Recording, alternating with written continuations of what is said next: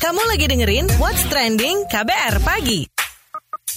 You're listening KBR Pagi, siaran pagi radio paling update.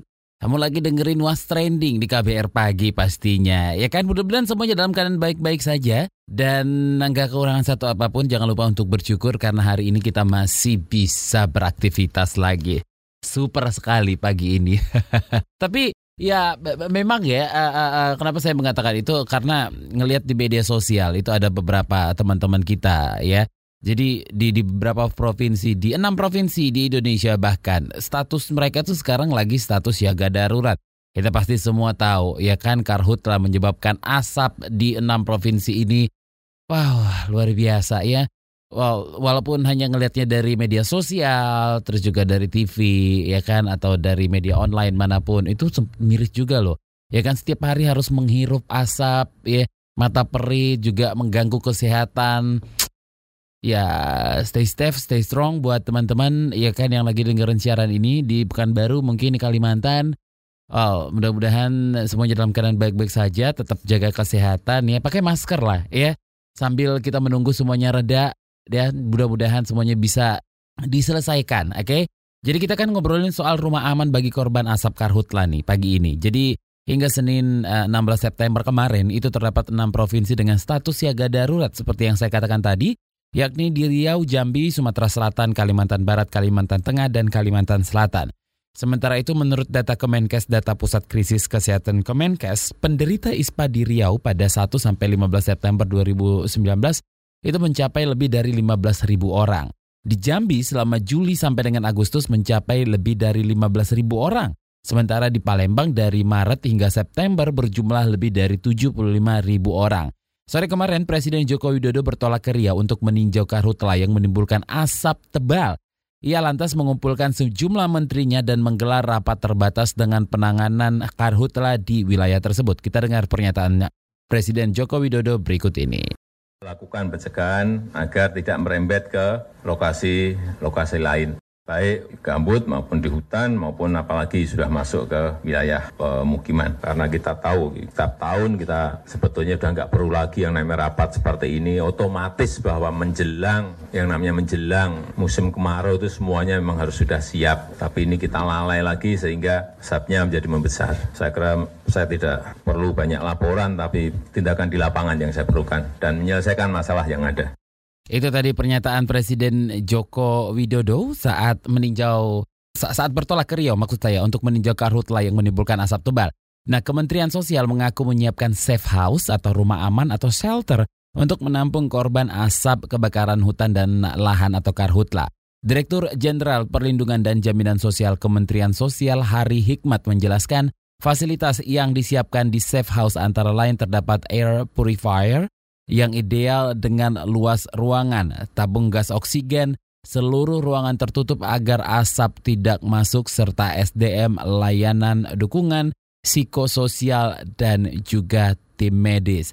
Ini ada banyak ya nanti akan saya coba um, bacakan beberapa uh, safe house ya yang sudah disiapkan oleh pemerintah, oke. Okay? Jadi sekali lagi ini adalah rumah aman atau shelter untuk menampung korban asap kebakaran hutan dan lahan. Tapi nanti juga saya akan uh, ngobrol dengan um, Direktur Jenderal Perlindungan dan Jaminan Sosial Kementerian Sosial Hari Hikmat dan juga juru kampanye iklim dan energi Greenpeace Indonesia Bondan Andri Yano. Bersama Don Brady di What's Trending KBR Pagi. Jangan ke mana-mana. What's Trending KBR Pagi. Masih di What's Trending KBR Pagi bersama Don Brady. Kita lagi ngobrolin soal rumah aman bagi korban asap karhutla. Oke, jadi Direktur Jenderal uh, Pencegahan dan Pengendalian Penyakit Kementerian Kesehatan Ahmad Yuryanto mendorong masyarakat untuk membuat safe house atau pengungsian um, pengungsian untuk warga di wilayah mereka. Ya, menurut Ahmad, rumah aman ini bisa berdaya guna bagi masyarakat. Ia juga mengatakan masyarakat cukup menyediakan ruangan tertutup yang memiliki pendingin ruangan untuk sebagai tempat isolasi. Oke. Dan uh, selanjutnya kita akan bahas mengenai safe house ini yang disediakan Kementerian Sosial yang menyebar di 41 lokasi bersama Direktur Jenderal Perlindungan dan Jaminan Sosial Kementerian Sosial Hari Hikmat. Pak Hari, seperti apa safe house yang disiapkan Kemsos untuk tangani korban karhutla nih Pak?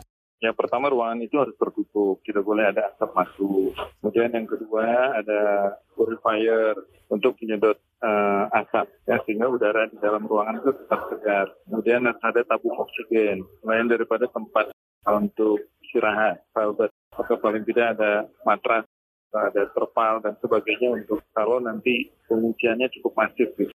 Kalau sekarang sih datang tapi on off dan ada petugas medis yang melakukan penanganan secara khusus kalau mereka perlu penanganan dari tindakan medis secara lebih lanjut karena sesak nafas dan sebagainya. Dan ada psikolog juga dan pekerja sosial untuk memberikan trauma ini. Gitu. Nah itu sudah ada di 41 titik di seluruh Indonesia.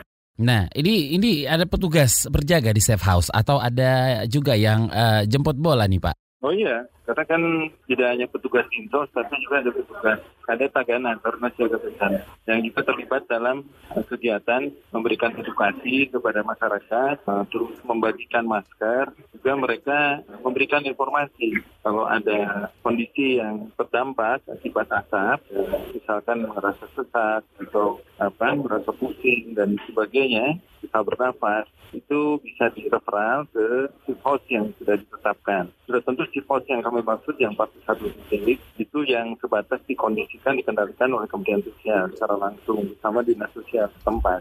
Kemudian sifat lain juga yang uh, diperankan, difungsikan dari berbagai organisasi, saya kira silakan aja itu, ya, untuk menambah kekuatan uh, penanganan dari korban bencana asap.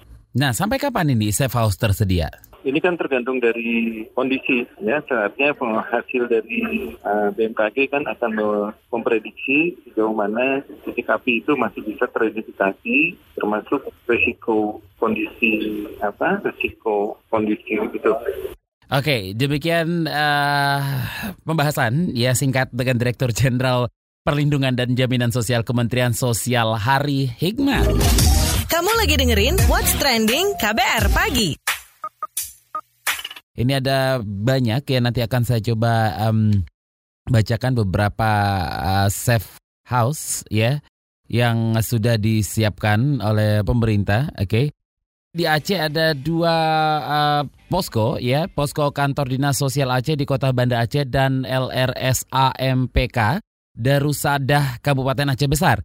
Di Sumatera Utara ada empat di posko kantor Dinas Sosial Provinsi Sumatera Utara di Kota Medan, PSBD Bahagia Kota Medan, BRSODH Bahagia Kabupaten Deli Serdang dan Pantai Sosial Pamardi Putra Insyaf Medan atau BRSKP Napsa Insyaf Medan.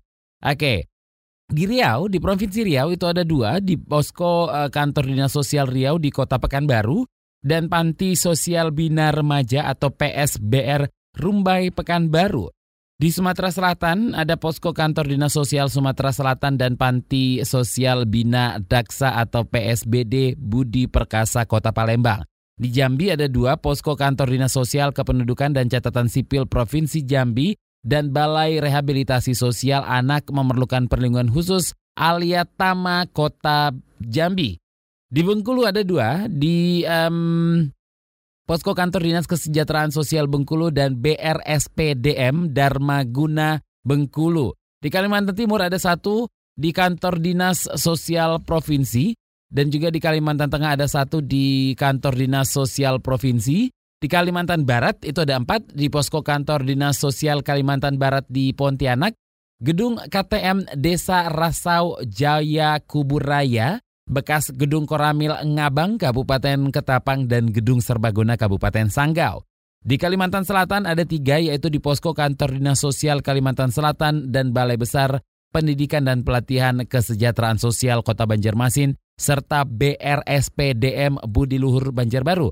Di Kalimantan Utara, Posko Induk Kantor Dinas Sosial Provinsi di Tanjung Selor, Kabupaten Bulungan, dan Kemensos juga menyiapkan lima safe house di Sulawesi Selatan dan satu di Sulawesi Tenggara, dua safe house di NTT, dua di Papua, dan satu di Papua Barat.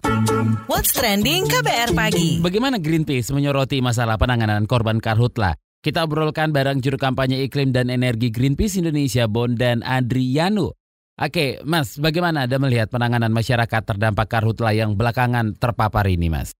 Kalau kita mau bicara upaya mitigasi pencegahan bagaimana melindungi masyarakat dari katakanlah ini yang selalu berulang gitu ya, selalu terulang bahwa kebakaran hutan itu setiap tahun ah, terjadi dan segala macam harusnya itu bisa dimitigasi dengan apa? Misalnya dengan membuat stasiun pantau sebanyak mungkin di sekitar kota Palangkaraya atau Riau atau yang lainnya yang sering terjadi kebakaran hutan sehingga ketika ada tanda-tanda mulai asap dari arah mana, di alat pantau itu akan bisa mendeteksi dan bisa melakukan upaya dini pencegahan. Oh, masyarakat harus hati-hati. Pertama itu proteksinya. Kemudian misalnya Oh ternyata arahnya anginnya dari arah selatan misalnya. Berarti kita harus matikan padamkan sumber kebakaran hutannya. Nah ini adalah sistem semacam early warning system dan itu yang sebenarnya belum berjalan. Nah perlindungan untuk masyarakat saat ini sudah cukup dengan pembagian masker dan imbauan untuk berada di dalam rumah atau bagaimana dengan safe house? Kalau mau bilang proteksi masyarakat bagaimana tidak terpapar dari polusi udara, itu maskernya masker khusus yang menutupi seluruh, ada full mask dibilangnya, menutupi mata, hidung, dan bahkan harus pakai oksigen. Karena masker tersebut kalau tidak pakai oksigen kita akan sesak napas. Artinya, kalau sudah terjadi seperti ini, kita akan sulit untuk memproteksinya bagaimana masyarakat proteksi untuk terpapar. Kalaupun disediakan safe house, safe house tersebut berarti harus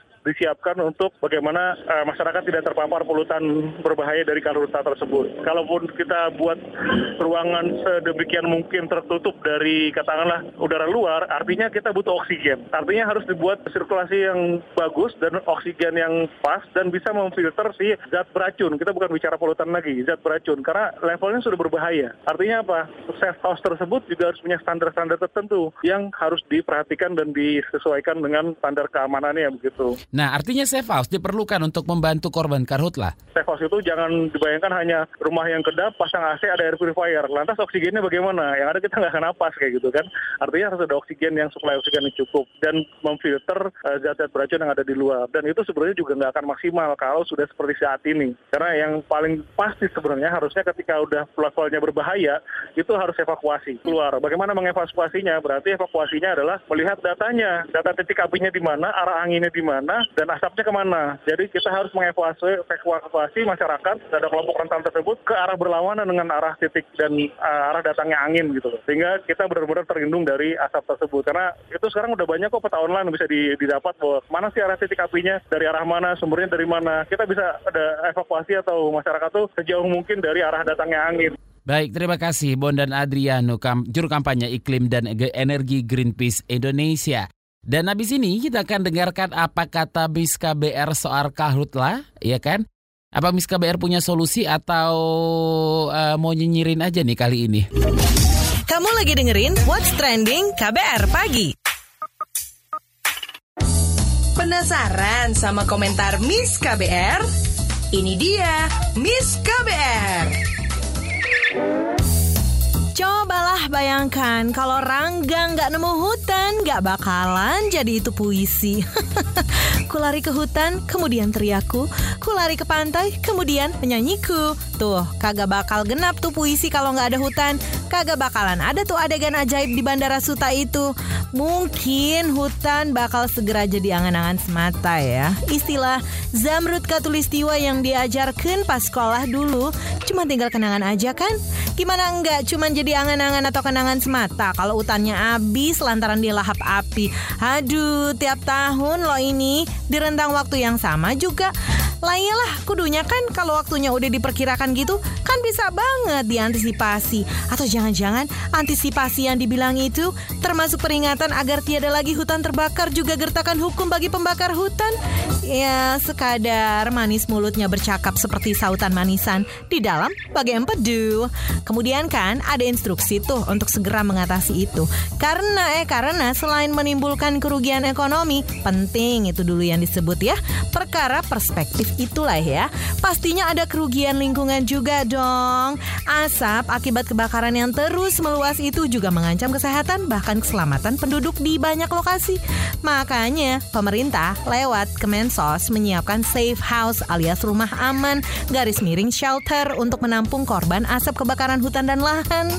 Itu tempat menyediakan air purifier, tabung gas oksigen, seluruh ruangan tertutup agar asap tidak masuk dan terdapat velvet sepaket sama SDM layanan layanan dukungan dan tim medis. Ya kali orang bakalan hidup di situ terus sampai nggak ada lagi kebakaran hutan. Gimana ceritanya bisa safe kalau house alias rumah kita sendiri yang terbakar? Eh, apa dibakar ya? Hmm, lah hutan itu kan rumah kita. Ya gitu, kalau nggak dianggap rumah ya bakal terus-terusan dibakar. Eh, kebakar, nggak mungkin banget kan ada yang iseng ngebakar hutan. Itu dia tadi komentar dari Miss KBR. Mau tahu besok Miss KBR bakal komentar apa lagi? Tungguin cuma di KBR Pagi. What's Trending KBR Pagi. Saya Don Berani pamit, besok ketemu lagi ya. Bye-bye. Terima kasih ya sudah dengerin What's Trending KBR Pagi.